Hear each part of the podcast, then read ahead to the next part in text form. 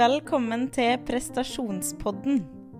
Mitt navn er Beate Mordal, og jeg jobber for det meste som operasanger, og har gjort det nå profesjonelt i fem år. Denne podden den har blitt til mest fordi jeg elsker gode samtaler og drikke kaffe samtidig, men også fordi jeg er veldig nysgjerrig på mennesker og prestasjon og alt som skjer både mentalt og fysisk i forhold til et liv på scenen. Jeg har med en ny gjest fra bransjen hver gang, og håper å inspirere til litt mer åpenhet rundt et tema som kan være vanskelig å snakke om. Da er vi klar for dagens episode. God fornøyelse.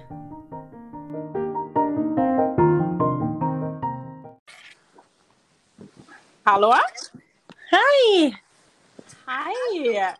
Hei! Er det Mari Eriksmoen vi snakker med? Det er det. Fra Strasbourg. Ja! Åh, så gøy, og velkommen til prestasjonspodden, Mari. Så utrolig koselig at du kunne være med. Du, det er kjempe, kjempestas å få være med. Veldig kult. Og at du kunne ta deg tida til det når du er i Strasbourg og jobber. Fantastisk. Jo, men det skulle bare mangle.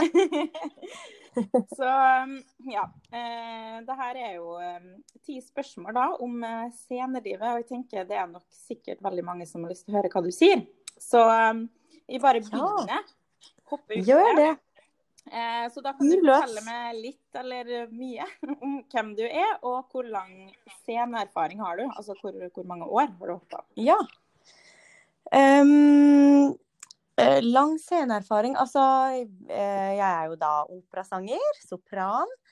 Og ehm, studerte ehm, i Oslo og var ett år i Paris. Og så gikk jeg tre år da i København, på Operaakademiet der, hos, eh, hos Susanna Eken. Mhm. Eh, og så, mens jeg gikk på Operahøgskolen, så um, begynte jo så smått noen dører å åpne seg, da. Sånn uh, sang på åpningen av det nye operahuset i Oslo, som jeg husker var jo veldig stas. Da var jeg jo bare 23 år, så det føltes jo liksom veldig stort å få være med på det, og det, det var det jo òg. Det Ja, ja.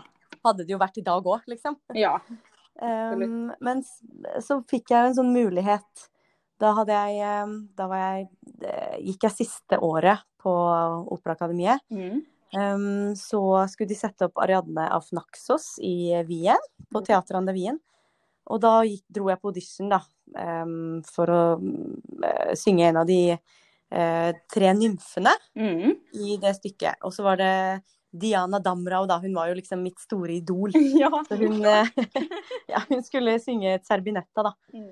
Em, og så ble hun gravid, og da hadde jeg vært på audition og uh, fått den eh, Fått ganske sikkert ja da på, på den ene nymferollen. Mm. Men da ringte de og spurte om jeg ville komme på audition og prøvesynge for den store rollen, da, Serbinetta. Oh. Så det var jo liksom eh, det, et sånt stort, hva skal man si, ja, gjennombrudd høres så voldsomt ut, men det var jo liksom Ja, en men det var jo det. Var det ikke det? Ja, at det er da, da har, du, du må liksom gjøre et valg da, og, og tenke er det her Det kan gå begge veier, ikke sant? Mm. Og så er man helt i startfasen. Jeg følte, jeg følte jo egentlig at jeg, at jeg eh, kanskje ikke var klar for det ennå. Det var liksom eh, Serbinetta, altså Ariadna Naxos er jo som en sånn slags nasjonalopera i Wien, da. Ja, og så er den skikkelig jo- strabasiøs. For dere som ikke vet den rollen, så er den altså den, den er den vanskeligste koral- ever. Ja. ja, det er det faktisk. Det Ja. er så maraton. Det er liksom sånn eh, Mount Everest, eh, Ja. føler jeg, da. Sånn at eh, det var ganske skummelt. Samtidig så følte jeg liksom at den bransjen her handler jo litt om Selvfølgelig handler det mye om det å, å være god og jobbe hardt og, og ha et talent, men det handler jo faktisk også veldig mye om eh, muligheter man får. Mm. Og det å ta, ta sjanser, det gjør det jo. Å tørre å, å feile. Og, og hvis man ikke kaster seg på ting så, og safer, så får man jo kanskje heller ikke eh, de mulighetene, da. Så jeg tenkte at eh, du jeg får bare ta den sjansen, og Ja. går det. Hvis det går rett vest, så får jeg bare håpe at jeg er ung nok og, til at det også blir glemt, tenkte jeg da. Ja. ja. Så da gjorde jeg det da, og dro og, og sang for dirigenten og sånn. Så fikk jeg jo den rollen da, så det var jo liksom det, det, det var en stor, stor ting, da, selvfølgelig en, en kjempemulighet som gjorde at jeg eh, ganske tidlig kom meg ut i det internasjonale markedet, da. Så det var jo Det var liksom Det var starten min, og dette var i 2010. Så det er akkurat ti år siden, faktisk. Jeg har på en måte et slags tiårsjubileum Wow! sånn i, i, i bransjen, på en ja, måte. Ja. mhm. Kult. Så utrolig bra. Ja. Ehm, hva var liksom Husker du liksom ditt første møte med scenen, og, og hvordan, hvordan var det for det? Um, altså med scenen, tenker du på der, eller generelt? Nei, jeg tenker generelt, egentlig. Liksom, Ja. ja. Um, nei, jeg husker jo Jeg hadde jo en, um, en ganske sånn eh, tøff reise på en måte, da. Jeg, var, jeg hadde ganske mye motgang i starten. Jeg husker jeg kom ikke inn på musikklinja på videregående. og Kom ikke inn på Musikkhøgskolen eh, første gang jeg søkte. Kom inn Gjorde du ikke? Ja, ja, ja. så eh, jeg kom inn andre gang, andre gang jeg søkte på Musikkhøgskolen, så kom jeg inn da, men da kom jeg inn på venteliste. Oi! OK. Så jeg husker at jeg liksom faktisk sleit ganske mye med selvtillit, da. Mhm.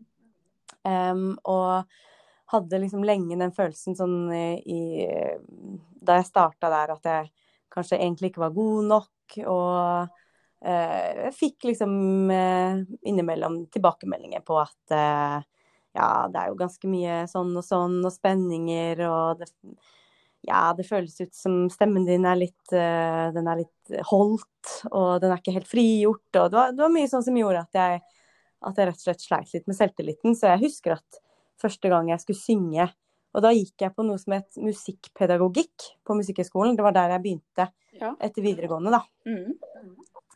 Eh, før jeg søkte meg over til utøvende. Eh, og da skulle jeg få lov til å synge i et sånt vokalensemble med de sangerne som gikk på utøvende. Mm. Og da følte jeg jo selvfølgelig at jeg var underdogen, eller at de var mye bedre enn meg. Og du kan tenke deg liksom jeg aldri Det er sånn jeg husker den følelsen mm. fortsatt av hvor nervøs jeg var. Jeg husker at jeg måtte nesten spy før jeg skulle på scenen, for jeg var så nervøs. Og da snakker vi om at jeg skulle stå i et vokalensemble. Jeg skulle ikke engang Jeg hadde kanskje to takter solo. To takter. Ja, men jeg kjenner igjen den følelsen. Å, fy faen. Ja, og allikevel så var jeg bare sånn at jeg tenkte at det her klarer jeg ikke før jeg skulle gå på. Jeg var liksom Jeg hadde bare null selvtillit. Og eh, grudde meg så vanvittig. Og det var liksom å stå der i, i Lindemannshallen på Norges musikkhøgskole og synge i et ensemble med eh, ti andre sangere. Mhm. Så, ja. Wow.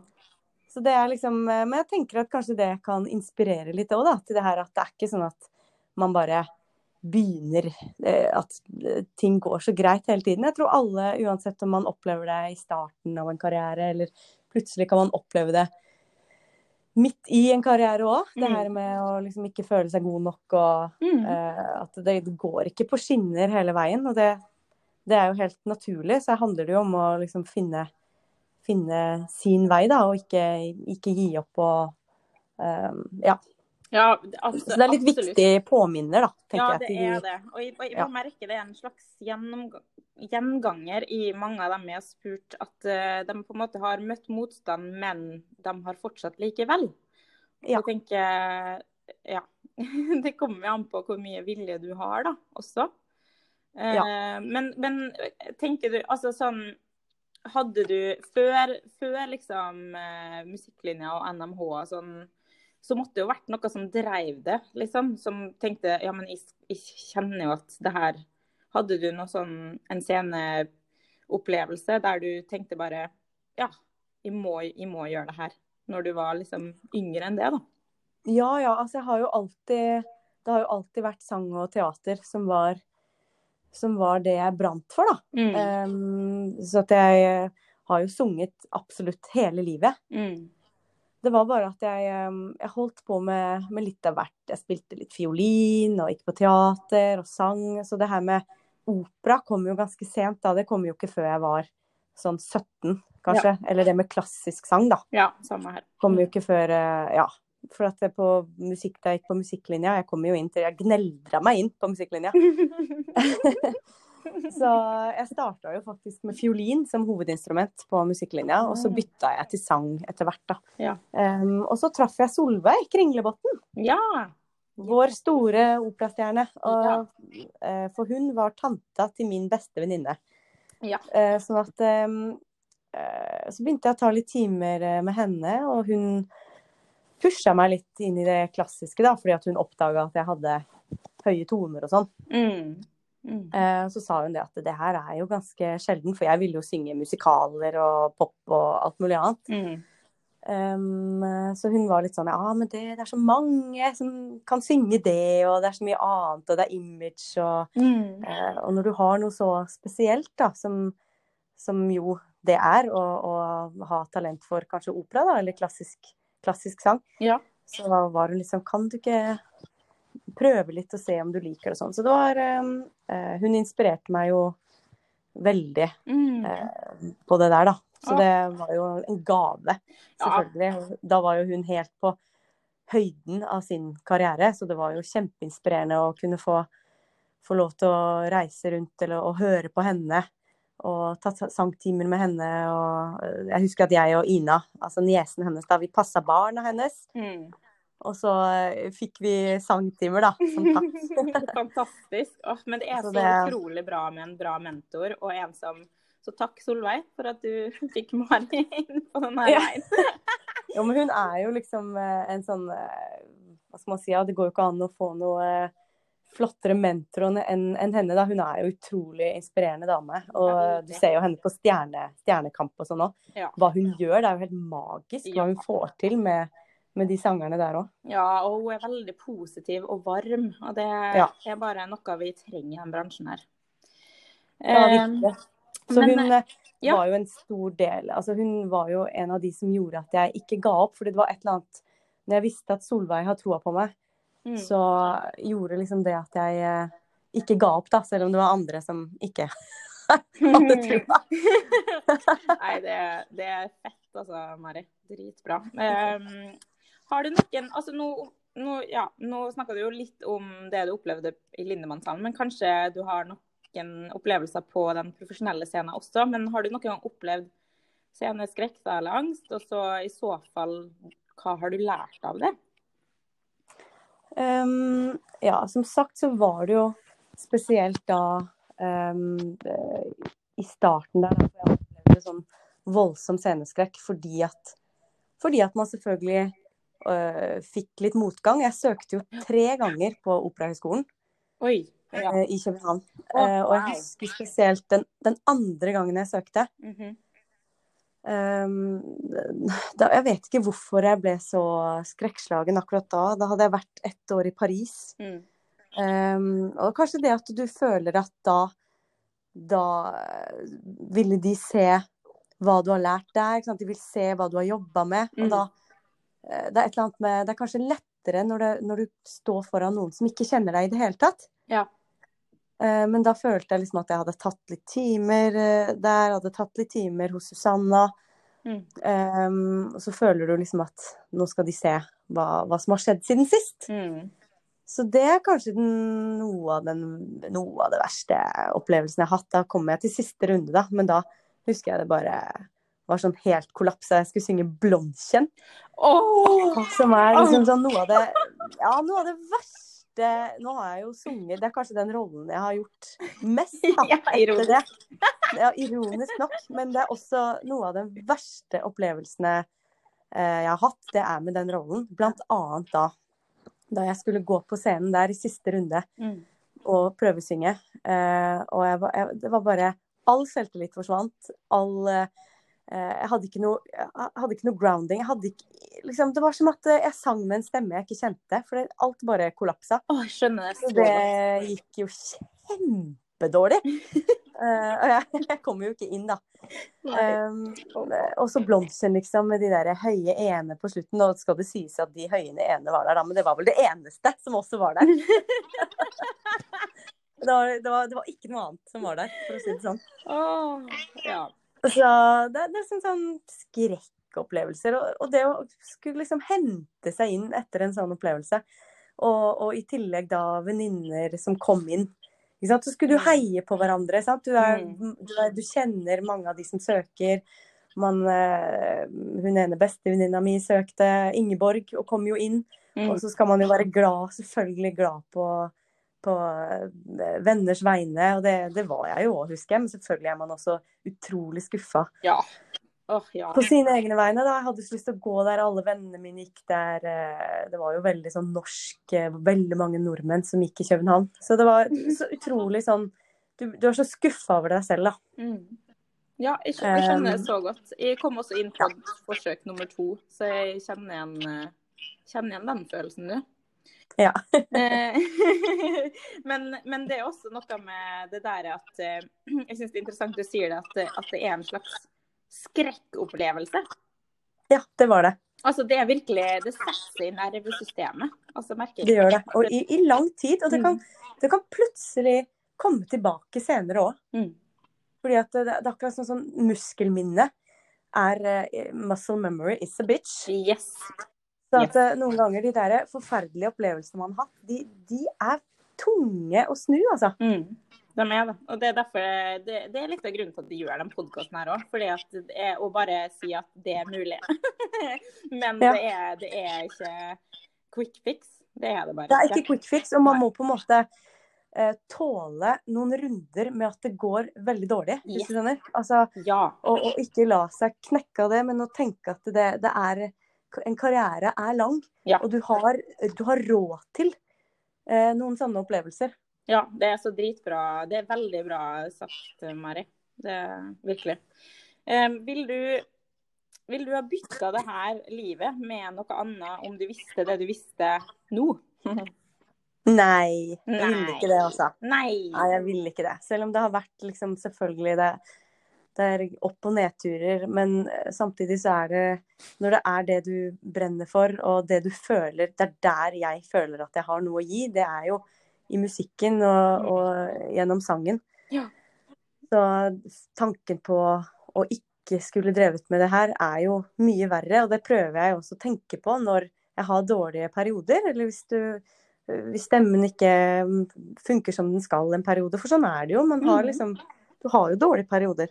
Ja. Fordi stemmen er jo Det henger jo sammen med syke. Yes. Det gjør det. Eh, Men da prøver jeg jo å minne meg på akkurat det der hvorfor, hvorfor jeg holder på med det her. Og, og prøve å ikke minst huske de der fantastiske opplevelsene. For det er det som er så forferdelig. Det er jo det er jo samme med at du kan få 1000 positive kommentarer, og så kan du få én negativ kommentar, og så er det den som setter seg. Mm. Yeah. Ja, juhu!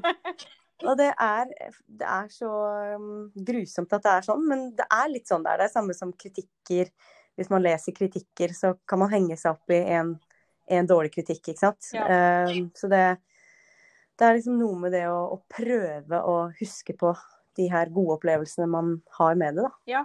Og, det, og til det vil jeg bare edde en, eh, en ting eh, når jeg tenker Mm. på det. Så er det at eh, hvis Altså til folk der ute, da. Hvis du har noen meninger om det en person gjør, eller om den andres liv og livsvalg og alt det der, så bare Mm. tenk deg godt om før du sier noen ting. Fordi det vil påvirke den personen mye mer enn hva det påvirker deg sjøl. Så det er veldig lett å være sånn og gi råd, men eh, ja, prøv å ikke gjøre det hvis man ikke har bedt om det, liksom. For det er bare Jeg er helt ja, det, det er så mye sånn i bransjen vår at folk skal synse og synse og synse om alt du gjør. Mm. Og selvfølgelig så er det et fritt, eh, en fri verden, og det skal det fortsette å være. Eh, og det er sant, Mm. men, men kanskje man kan tenke liksom et par ekstra tanker før man eh, uttaler seg om diverse ting, da. Det er jeg helt enig. For det kan Mm. påvirke eh, mye mer enn man tror. Yes. Og også i, en, i negativ forstand, da. Hvis det er Ja. noe som eh, trigger, trigger en person. For man vet ikke hva, hva de forskjellige eh, kjemper med da, og sliter med.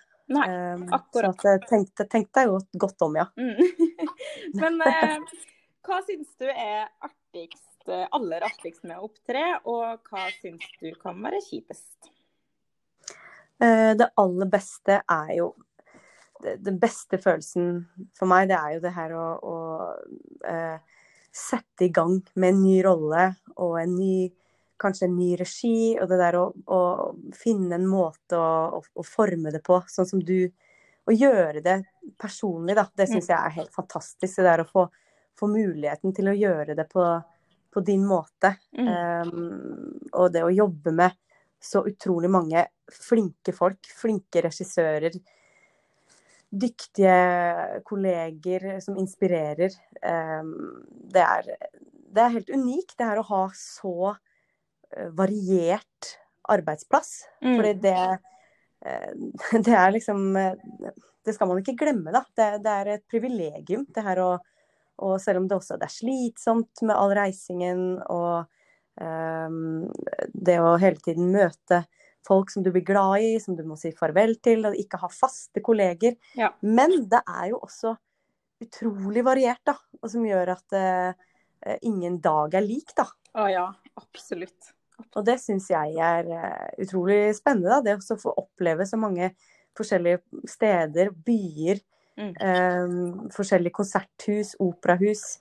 Det, det, er virkelig Jeg ser i hvert fall på det som et privilegium, da. Mm. Og veldig, veldig inspirerende. Mm. Og så er det selvfølgelig den kjipe delen av det, som, som er um, presset. Det her at du um, Og det blir, ikke, det blir dessverre ikke mindre. Jeg vil si tvert imot. fordi at etter hvert så blir det også sånn at du føler at folk har en forventning til det du gjør. Sånn at du skal opprettholde et nivå. Mm. Um, så det presset på å hele tiden prestere Det kommer hele tiden nye sangere som er utrolig flinke, mm. og, og, som gjør de rollene du gjør, og som har lyst til å også stå der. Og som mm. har lyst til å komme seg opp og fram. Og så, står man, så begynner man å tenke hvorfor skal jeg få lov til å holde på med det her? Jeg, har jeg fortjent den plassen her? Sant? Mm. Og det hjelper det kanskje jo... ikke helt på scene tilstedeværelsen, på en måte? Nei, det er det. det. det. presset der er liksom det, det må man hele tiden jobbe Jeg jobber i hvert fall veldig mye med det, da, og, og tenke at eh, ingen er like. At du må gjøre det på din måte. Mm. Og, og, ikke sammenligne. Det er jo en klisjé, men det, det er virkelig så sant. Ja. Det er at du ikke skal sammenligne deg med andre, fordi at eh, som artist så er man helt unik. Ja. Og sånn, sånn, er det bare. Ja. Så ingen, ingen, kan gjøre en rolle akkurat som du gjør den. Og det må man prøve å huske på, da. Ja, absolutt. Det er dødsviktig. Altså, jeg tenker bare mer på at de, de unge sangerne kanskje at, at, det er lettere å sammenligne seg, da, fordi man har liksom alt tilgjengelig. Man ser jo Og det er jo også positivt, for så vidt, for du kan lære mer. Og du kan liksom OK, ja. eh, følge folk som eh, du liker og, og har preferanser til. Men eh, det er også en slags sammenlignings... Eh, ja, hva skal jeg si det er det du ser hele tiden, så blir du fylt opp av eh, statuser som eh, Å, nå debuterer jeg der, og å, nå skal jeg dit, og å, her er min neste sesong på alle disse husene. ikke sant? Og så, og så kan man jo fullstendig miste selvtilliten, ikke sant. Mm. For du, det virker som at alle andre mm, holder på med fantastiske ting hele tiden. Men mm. det, da må man jo igjen bare Hvis man, hvis man misliker det, så er det jo bedre å enten bare avfølge, altså å holde seg litt borte fra det en stund, og se om det hjelper deg selv, faktisk. Mm. Mm. Eller så kan man prøve å bruke det til å bli inspirert, da. Absolutt. Eh, og det er en ganske bra tips egentlig til mitt neste spørsmål. Så er det jo om eh, hvilke tips kunne du tenkt å gi til unge sangere eller utøvere som hører på det her om scenelivet, da? Eh, eller generelt eh, jeg tenkte, ja, Det kan jo være ja. vi kunne snakka litt om eh, korona her òg, da. Men ja. Ja, vi kan jo se om vi kommer innpå litt korona òg. Ja. Men jeg ville jo mitt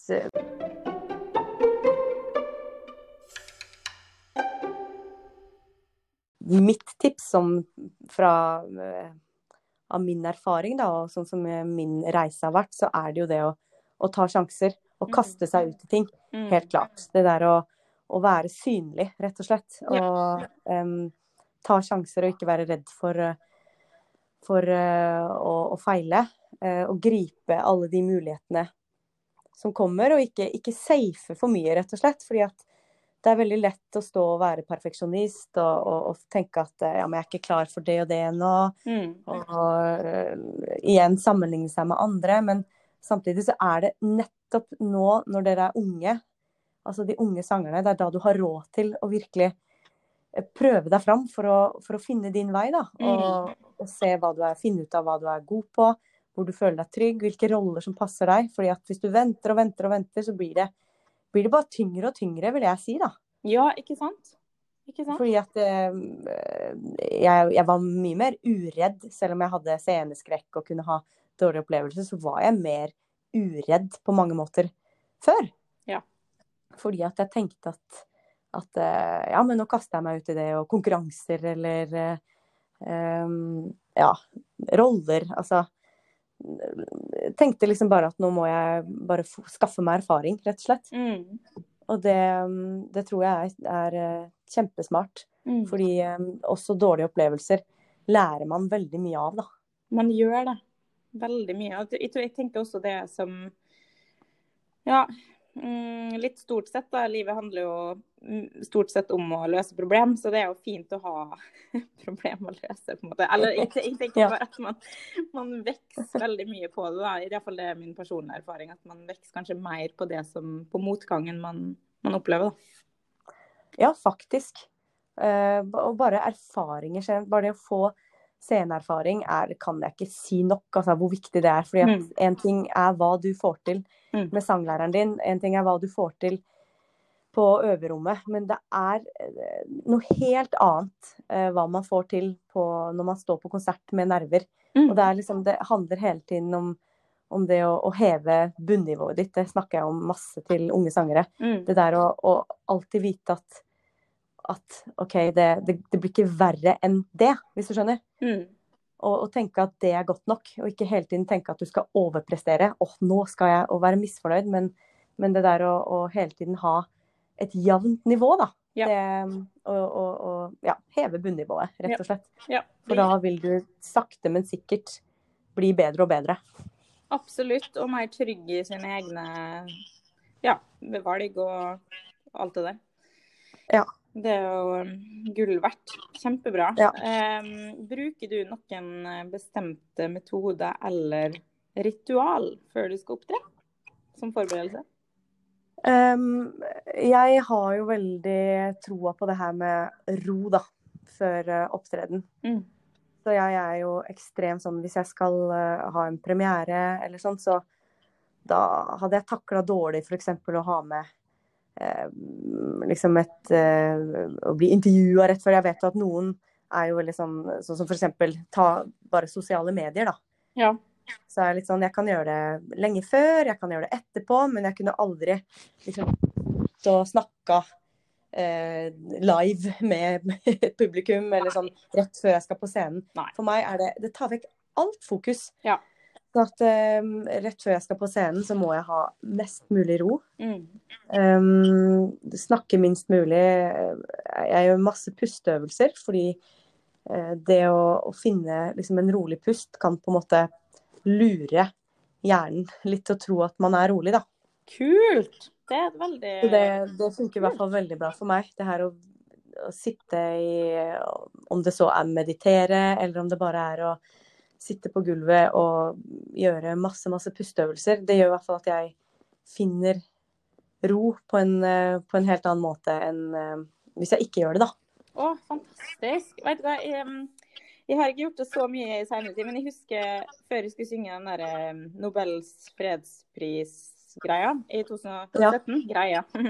ja. Um, så, um, så, var det liksom altså live TV. Nå er du en del på TV også, så jeg tenker du har mye erfaring med det nå. Men eh, da var det sånn at eh, OK, da hadde vi gjort det gjennom så mye, og det var musikk som jeg følte meg veldig komfortabel i, så det var ikke sånn, sånne nerver. Men, eh, mm. men da kjente jeg at OK, nå er det live, det er foran kongen og dronninga. Eh, ja. John Legend, du vet da, søren er alle mange som du kunne være nervøs for. Og så det bare Da begynte jeg å liksom ta sånn totalpust. Eller bare puste, liksom Du, du vet, du teller fire inn og fire ut, eller fire inn og mm. seks ut, eller ja. det du føler passer for deg sjøl. Og da er det helt sant at du lurer hjernen. Altså fordi at, fordi at nervesystemet roer seg. Selv om Ja. du har jo litt nerver fortsatt, men altså, da roer det seg sånn at du slipper å tryne på scenen, f.eks. Det er helt fantastisk. Jo, men det er helt uh, virkelig, altså. Mm. Det hjelper. Også, og det der å, å, å prøve å tenke uh, um, Jeg vet at det også er litt klisjé å si, men det her å bli venn med, bli venn med nervene er også hjelper meg litt. Det her å tenke at ja, der kommer nervene. Mm.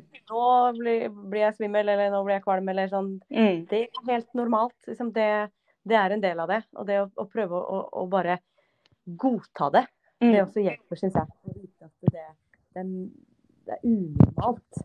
Ja. Det er, det, det er en del av det.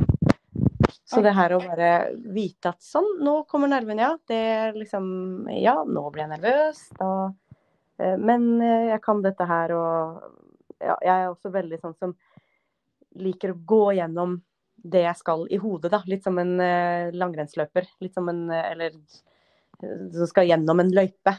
Ja. Jeg liker å gå gjennom det samme dag før jeg skal på scenen. Gå gjennom hele operaen.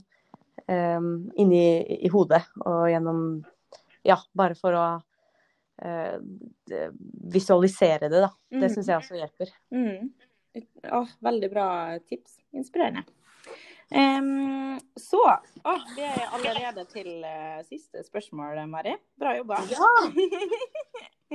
Gøy. um, veldig bra. Um, hva er det aller beste du har opplevd på scenen? Altså, hva er den beste opplevelsen du har hatt? Og altså, det mest inspirerende øyeblikket? Og hvorfor, hvorfor tror du det var sånn? Oi. Det er utrolig vanskelig, da.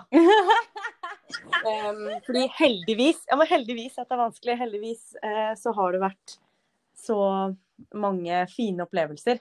Bra.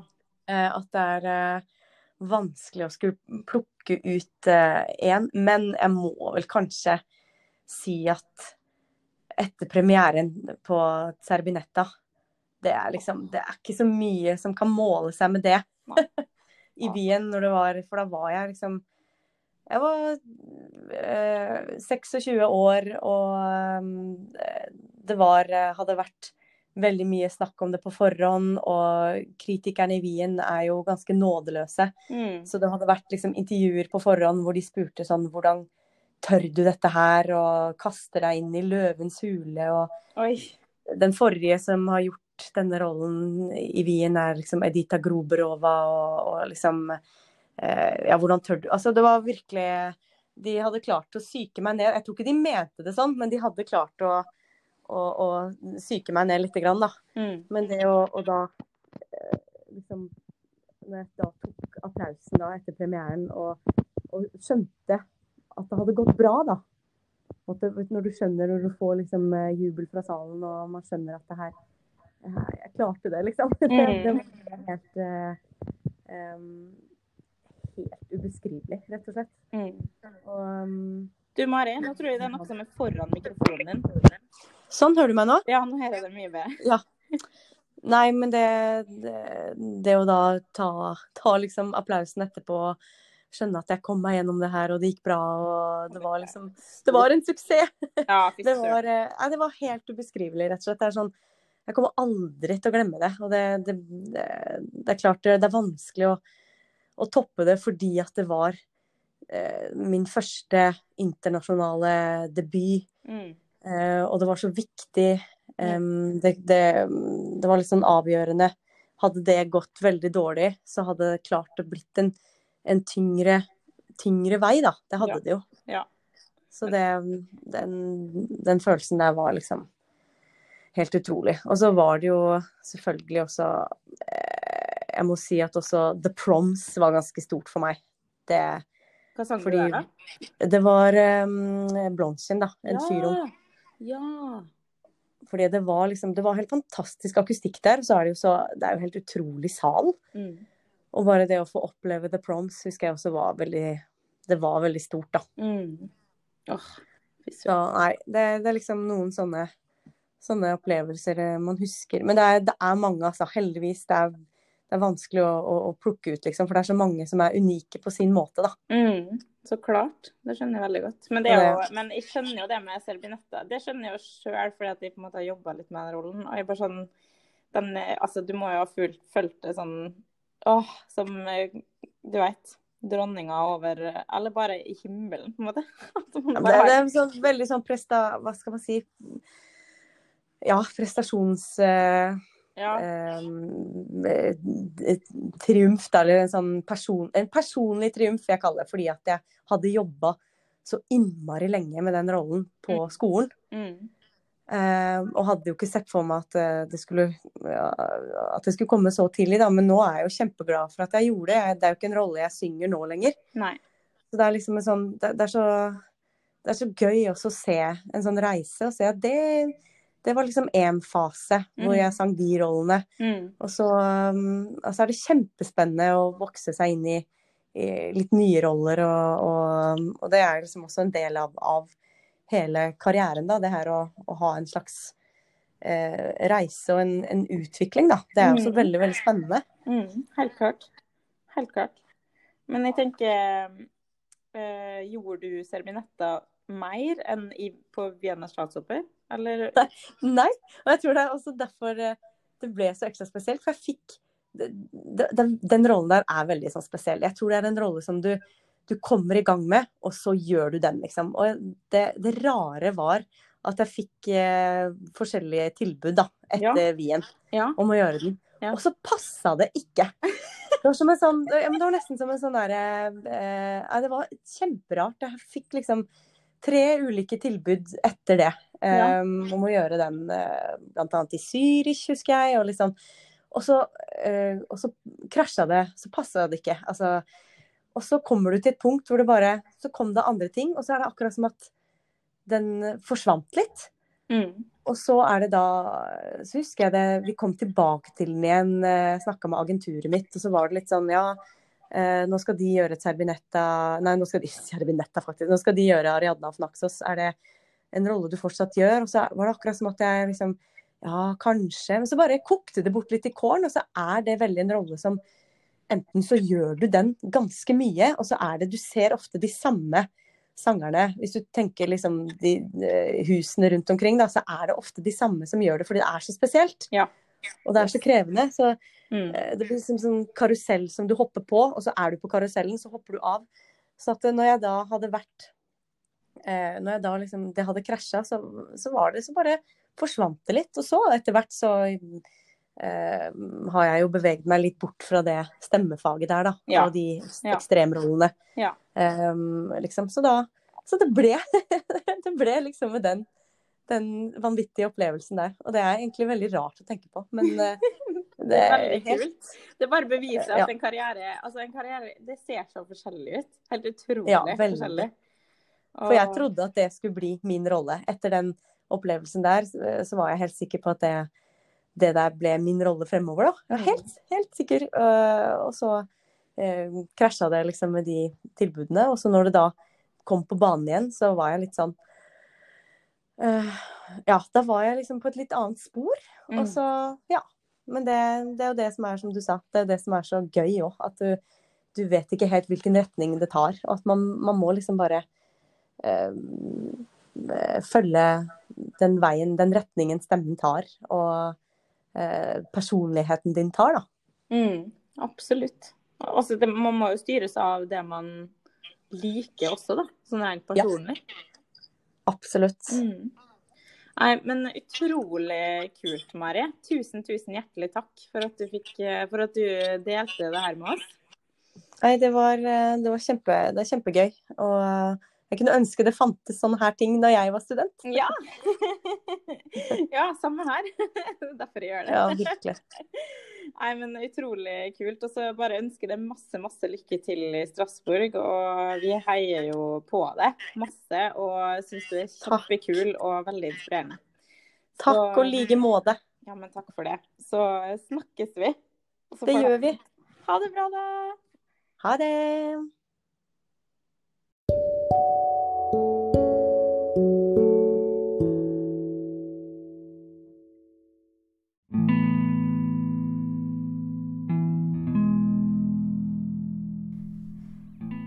Vil jeg bare avslutte denne episoden her med å si tusen takk til du som lytter på.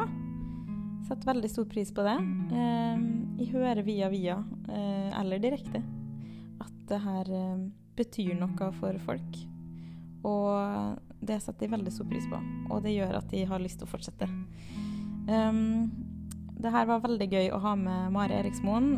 Hun er en uh, artist jeg har sett opp til i mange, mange år. Faktisk. Helt siden jeg skulle inn på Operaakademiet. Så um, det var gøy og stas å høre om hennes um, take på artistlivet. Og det har også inspirert meg til å bli mer disiplinert i min jobbing her i Stockholm. det er ikke så lett å holde på med både podkast og være i en produksjon med en sånn helt greit krevende rolle. Men eh, det er veldig gøy, og det holder beina mine på jorda. Og jeg syns det er veldig kult. Så jeg vil bare oppfordre dere der ute, selv om tidene er rare og kjipe Eh, Korona har sitt preg på det. Um, så oppfordrer jeg til å gjøre det du eh, syns er gøy, um, og noe som gir deg noen ting. Både musikalsk om, eller uh, ja, rundt i andre områder i livet. Um, for det er skikkelig, skikkelig viktig å holde motet oppe nå i den tida her. Uh, sånn at vi sammen kan ha et marked å komme tilbake til og um, støtte hverandre oppi det her. Så igjen Tusen takk for at du lytter på. Er det noe du lurer på eller sliter med eller uh, har tilbakemelding om, så ikke vær redd for å ta kontakt. Jeg er her uh, både på podkasten og på Facebook og ja. Så da ønsker jeg deg bare en nydelig dag videre. Så høres vi. Ha det bra.